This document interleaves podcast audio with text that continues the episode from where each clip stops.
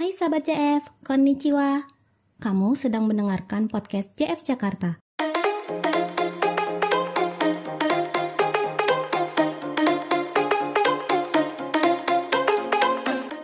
Japan Foundation atau lebih dikenal dengan JF adalah lembaga nirlaba milik pemerintah Jepang yang bergerak dalam bidang pertukaran budaya internasional. Di podcast ini, kamu akan mendengar obrolan tentang budaya Jepang dengan tema yang menarik, informatif, dan edukatif.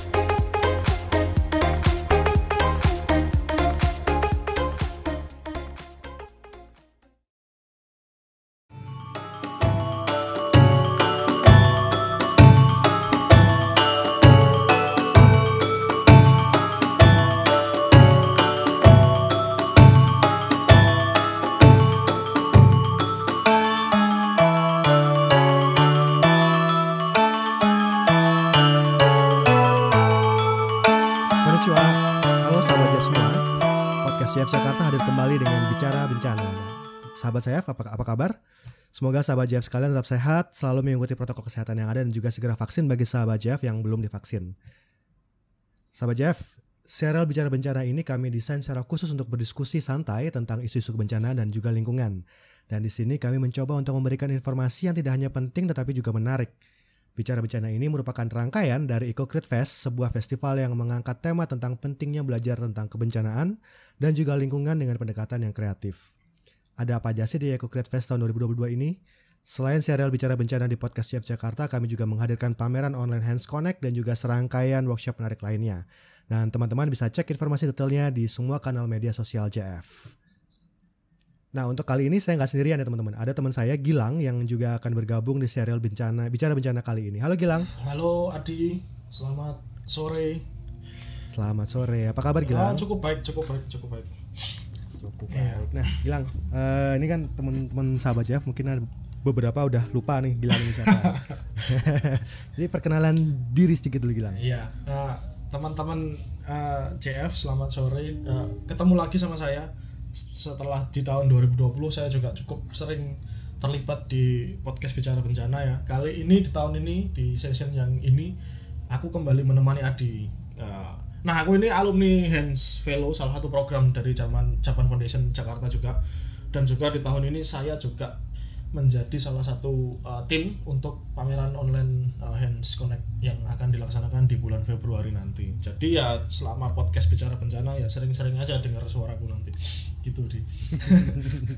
Oke, thank you Gilang udah bergabung Ya, di bicara bencana. Nah Gilang, eh, hari ini kita mau ngebahas apa sih? Mau ngundang siapa kita? Ah, untuk edisi sore ini uh, cukup menarik ya karena ternyata salah satu narsumnya adalah teman saya, teman main di Jogja. Oh gitu.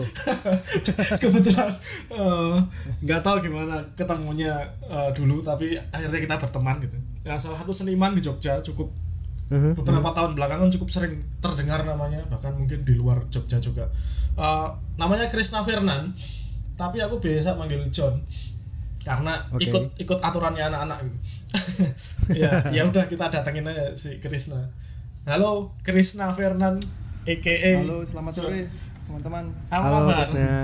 Selamat sore. Baik, baik, baik. Wah, Oke, eh, Krisna sehat? Sehat, sehat ya. Oke, eh, Syukur. Krisna boleh cerita sedikit nggak Krisna Fernan ini sebenarnya siapa sih kan? Sahabat JF ini mungkin nggak tahu ini siapa. mungkin gitu. mungkin aku Oh, juga gitu belum deh. tahu sisi lain Krishna ya mungkin Oh, gitu. podcast ini nggak tahu ya coba Ya, John ya. cerita John Ya, eh, namaku Krisna Fernan. Aku seniman yang tinggal dan bekerja di Jogja ya. Jadi udah hampir 20 tahun aku eh 20 tahun lagi. Lama banget. 10 tahun di Jogja dan berkarya di sini, bikin karya-karya di sini dan berjaring bersama teman-teman. Dan kebanyakan karyaku dari tahu awal aku masuk kuliah di seni rupa gitu, aku sering terjun sama masyarakat gitu bikin pameran terus bikin buku juga sama teman-teman bikin publishing gitu Mhm, mhm. Eh, tapi kebanyakan tetap aku- karya-karyaku tuh ngerespon isu yang ada di sekitaran aja gitu yang Oke. Isu yang di sekitaran itu Oh. berarti hampir semua isu atau ada isu-isu tertentu yang biasanya Ah. dikulik. Kalau dulu aku lebih banyaknya ke isu sosial ya, tapi kalau cenderung ke belakangan di tahun 2018 ini aku lebih banyak ke lingkungan juga um, mencoba ya, mencoba bikin karya-karya yang nggak hanya soal ngomongin antara relasi antara manusia, tapi manusia dengan alam gitu. Jadinya kalau yang belakangan ini aku cenderung ke situ sih, jadi banyak karyanya juga ngerespon yang hubungan antara manusia dengan alam gitulah. Hmm, hmm, hmm.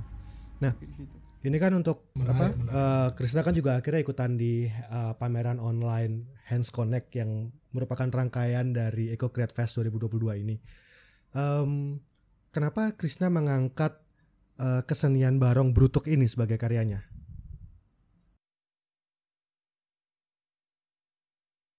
Oh, jadi kebetulan ini berhubungan sama residensi singkatku ya di Bali.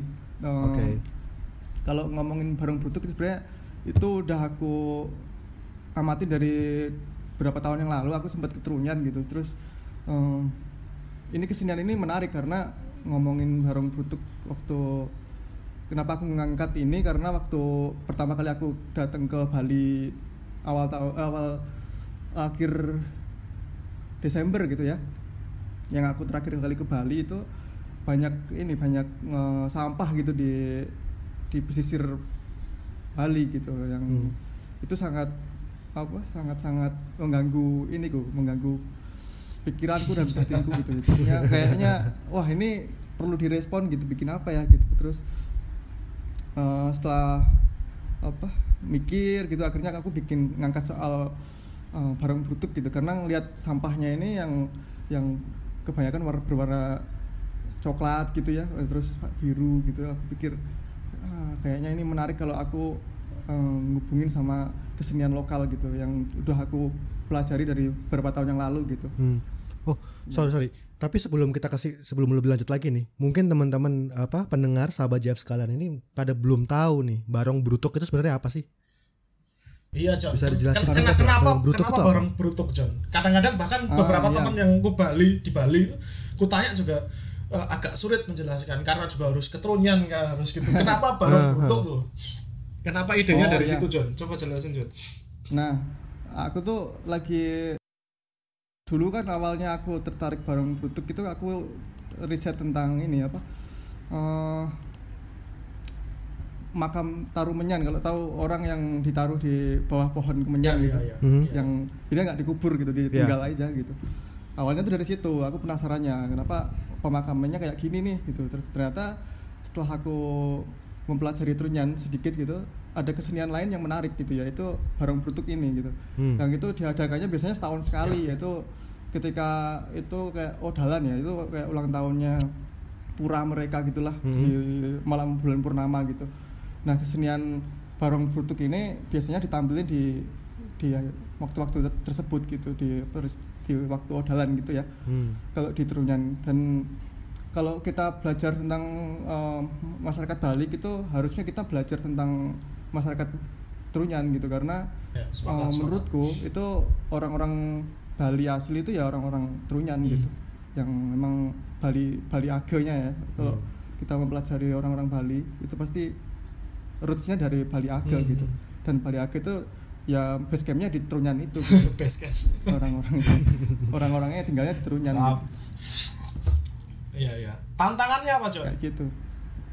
Tantangannya ya pertama aneh aja ya gitu. Kalau lihat pemakaman kayak gitu pasti kalau pengalaman pertama itu aneh gitu ya. Karena di tradisi Jawa gitu kalau aku kan tinggal di Jawa Iya, gitu. ya orang dimakamin dikubur aja gitu dikubur kalau ini kan ditaruh gitu.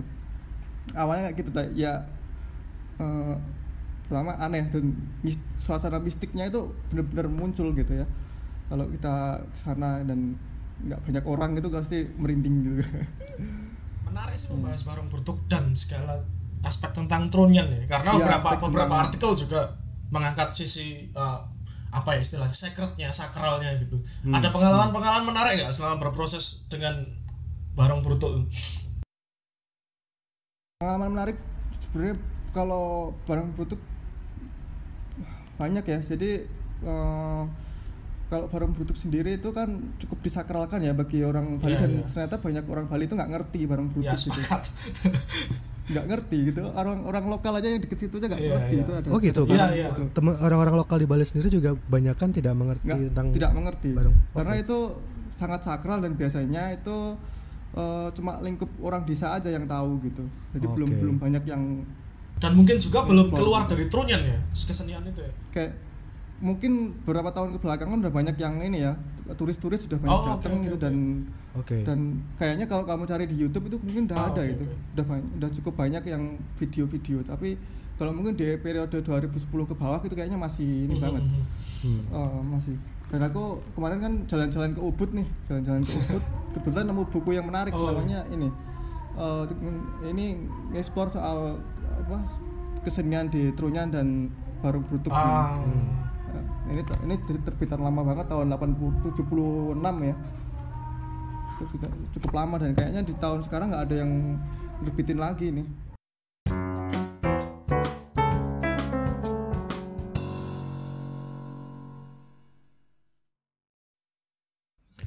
Em, kalau untuk proses pembuatan karya The Rage of Barong Brutuknya sendiri ini gimana?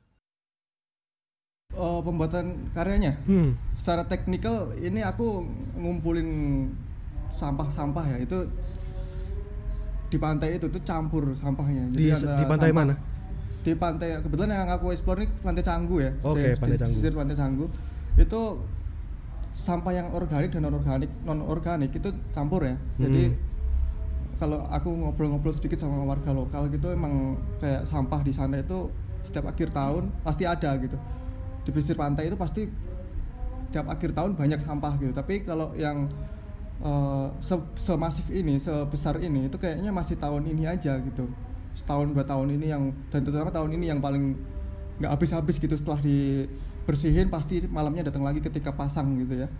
Dan itu kayaknya fenomena yang cukup langka gitu kalau Hmm. yang eh, sampahnya nggak habis-habis selama hampir satu bulan ini dibersihin nggak habis-habis gitu setiap Oke.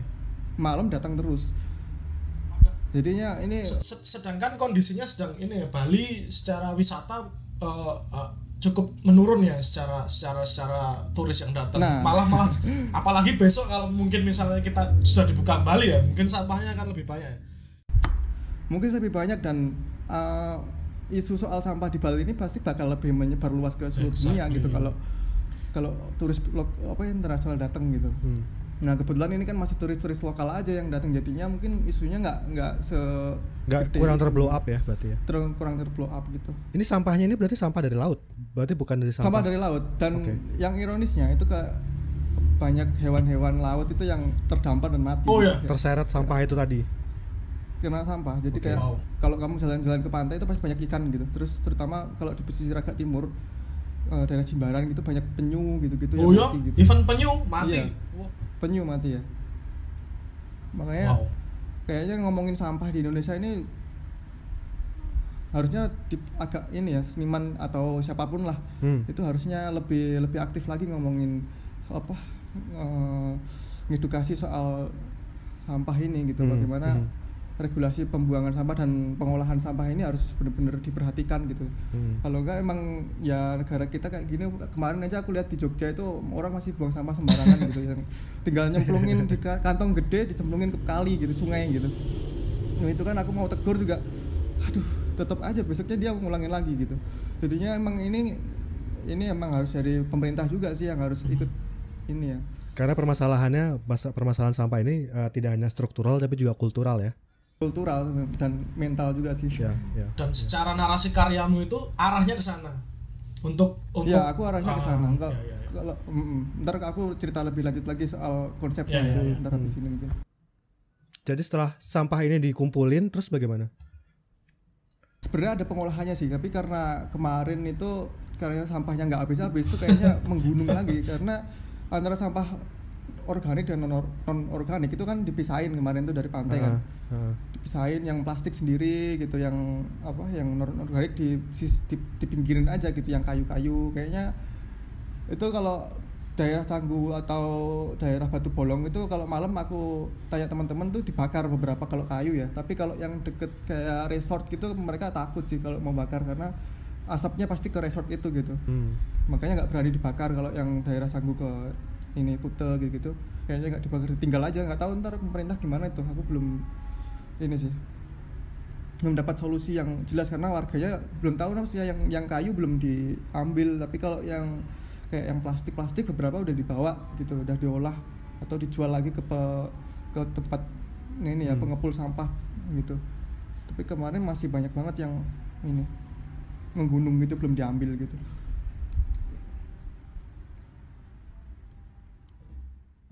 Terus eh, sampah-sampah jenis apa aja yang dipakai untuk karyanya ini?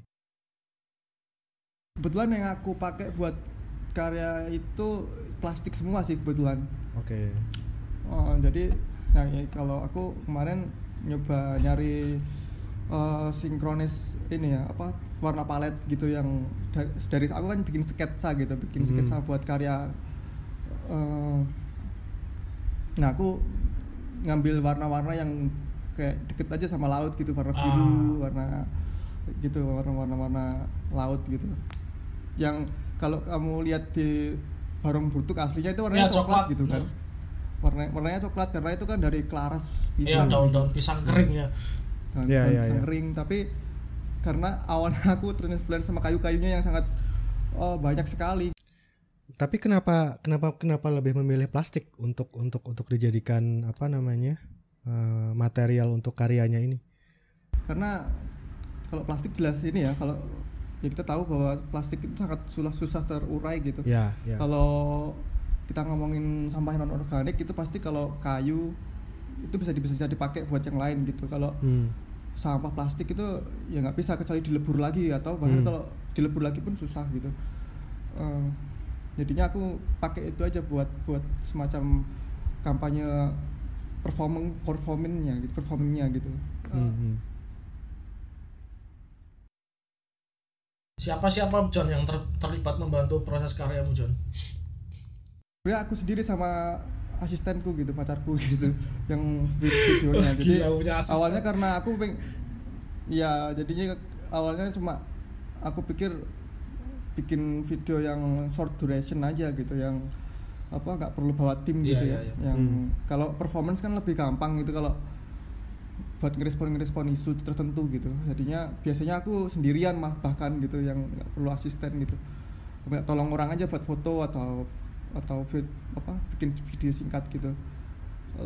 Bikin performance art gitu.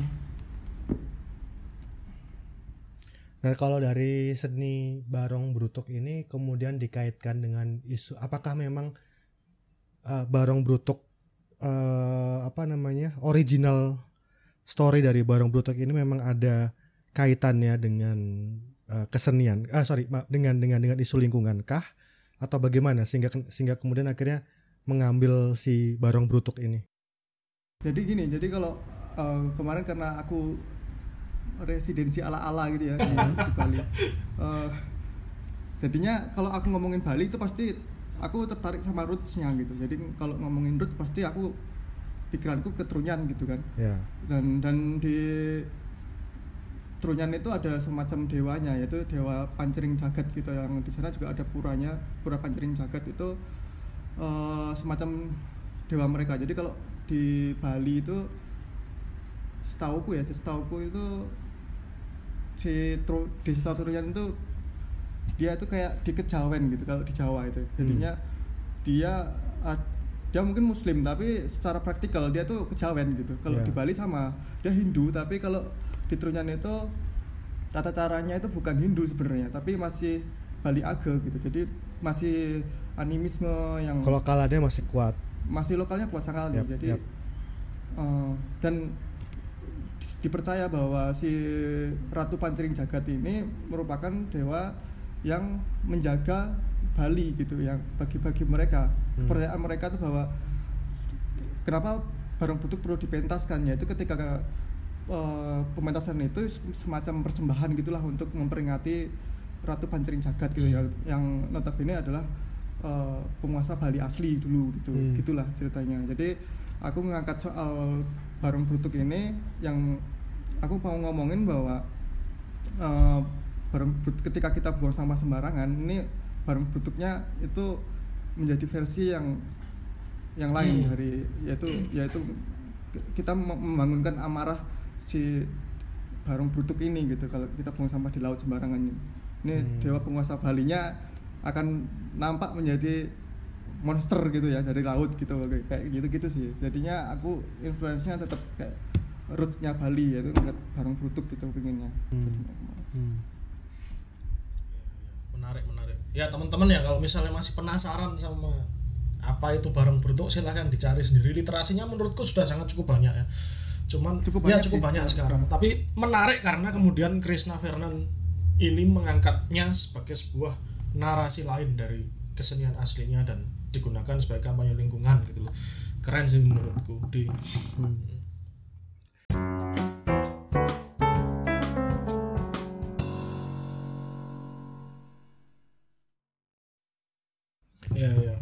Kalau untuk proses pembuatan karya The Rage of Barong Brutuknya sendiri ini gimana? Oh, pembuatan karyanya Hmm. secara teknikal ini aku ngumpulin sampah-sampah ya itu di pantai itu tuh campur sampahnya Di, ada di pantai sampah- mana?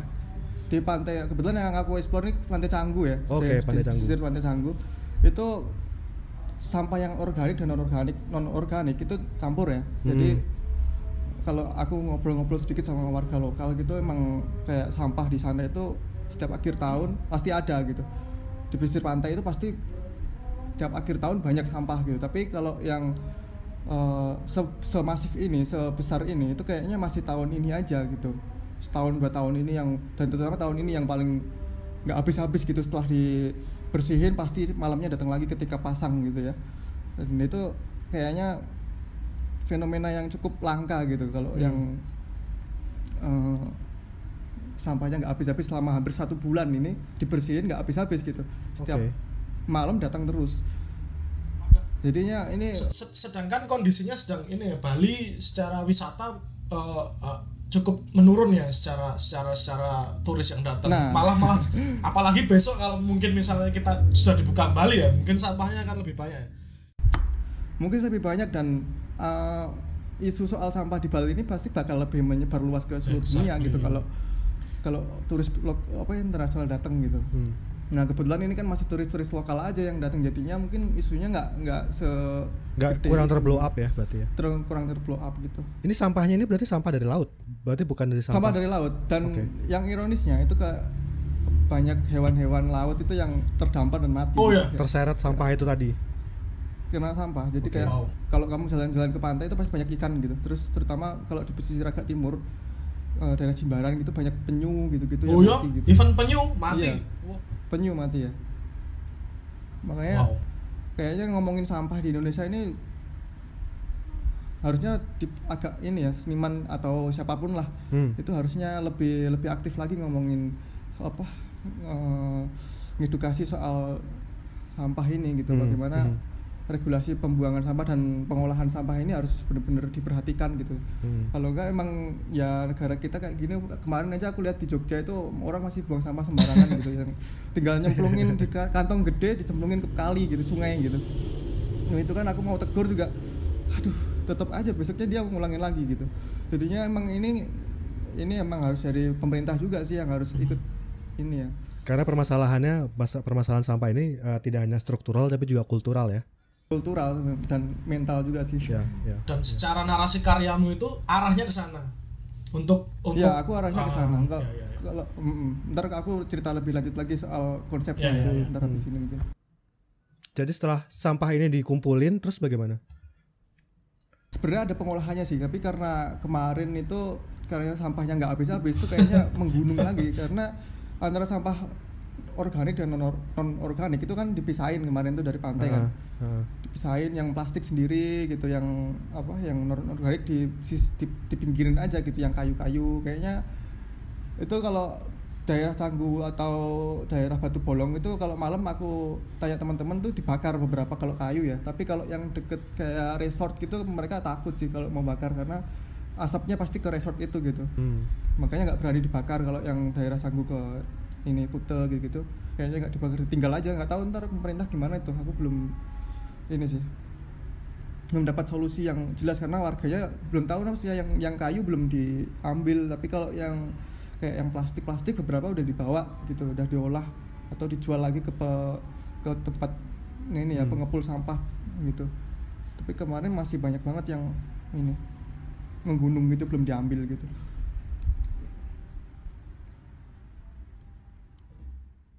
Terus eh, sampah-sampah jenis apa aja yang dipakai untuk karyanya ini?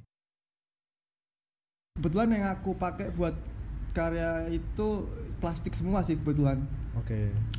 Oh, jadi nah ya, kalau aku kemarin nyoba nyari eh, sinkronis ini ya apa warna palet gitu yang dari, dari aku kan bikin sketsa gitu bikin Mhm. sketsa buat karya eh, nah aku ngambil warna-warna yang kayak deket aja sama laut gitu warna biru Ah. warna gitu warna-warna warna laut gitu yang kalau kamu lihat di barong brutuk aslinya itu warnanya Ya, coklat, coklat. gitu kan Hmm. warna warnanya coklat karena itu kan dari kelaras Iya, pisang daun-daun pisang kering ya.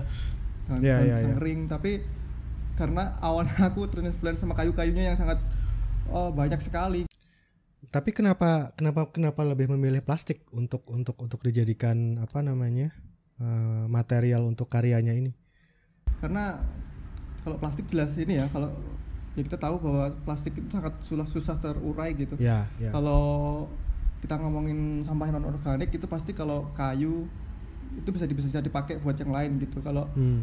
sampah plastik itu ya nggak bisa kecuali dilebur lagi atau bahkan Hmm. kalau dilebur lagi pun susah gitu Eh, jadinya aku pakai itu aja buat buat semacam kampanye performing performingnya gitu performingnya gitu Hmm, hmm. Siapa-siapa John yang ter- terlibat membantu proses karyamu John? sebenarnya aku sendiri sama asistenku gitu pacarku gitu yang vid- videonya jadi Gila, awalnya karena aku peng ya jadinya awalnya cuma aku pikir bikin video yang short duration aja gitu yang apa nggak perlu bawa tim Iya, gitu iya, ya. iya. yang Hmm. kalau performance kan lebih gampang gitu kalau buat ngerespon ngerespon isu tertentu gitu. Jadinya biasanya aku sendirian mah bahkan gitu yang nggak perlu asisten gitu. Tolong orang aja buat foto atau atau vid- apa bikin video singkat gitu. Bikin performance art gitu.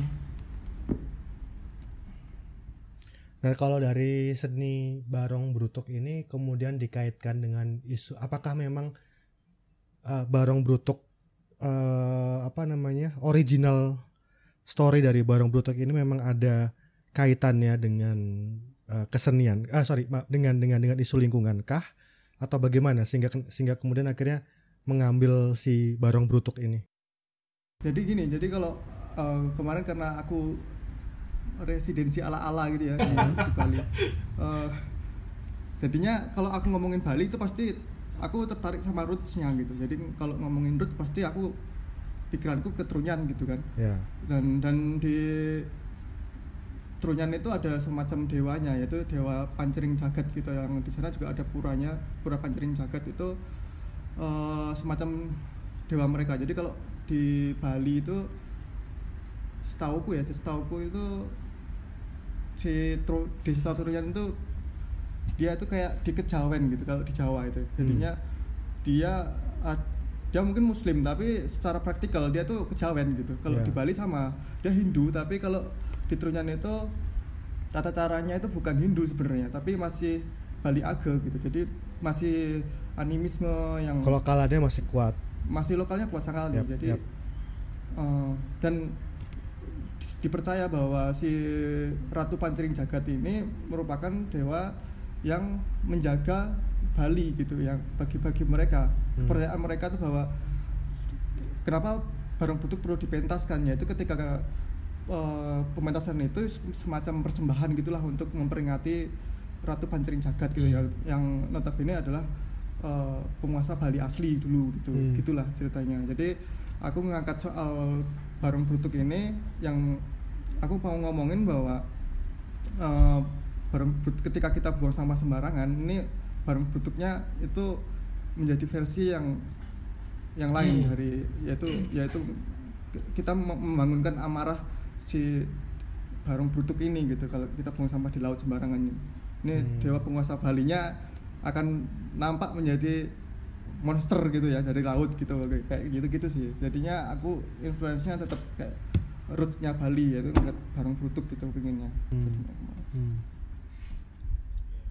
Menarik menarik. Ya teman-teman ya kalau misalnya masih penasaran sama apa itu barang bentuk silahkan dicari sendiri. Literasinya menurutku sudah sangat cukup banyak ya. Cuman Cukup ya banyak cukup sih. banyak sekarang. Tapi menarik karena kemudian Krishna Fernan ini mengangkatnya sebagai sebuah narasi lain dari kesenian aslinya dan digunakan sebagai kampanye lingkungan gitu loh. Keren sih menurutku. Di Hmm.